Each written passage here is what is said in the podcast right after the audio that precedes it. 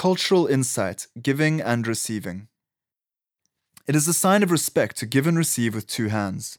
It has practical elements in that two hands are surer than one, lessening the chance of dropping or spilling the item being given, which especially in old times was usually precious or rare, with food and tools taking more time and energy to produce than what we are used to in this convenience, manufacturing, take things for granted culture of ours.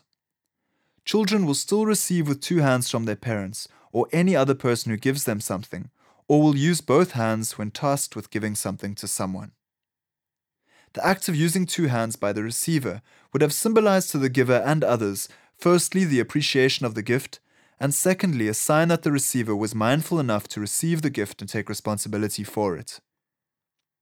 Hand clapping, in the form of a quick double clap, is often also used to indicate agreement or appreciation, usually before the act of receiving.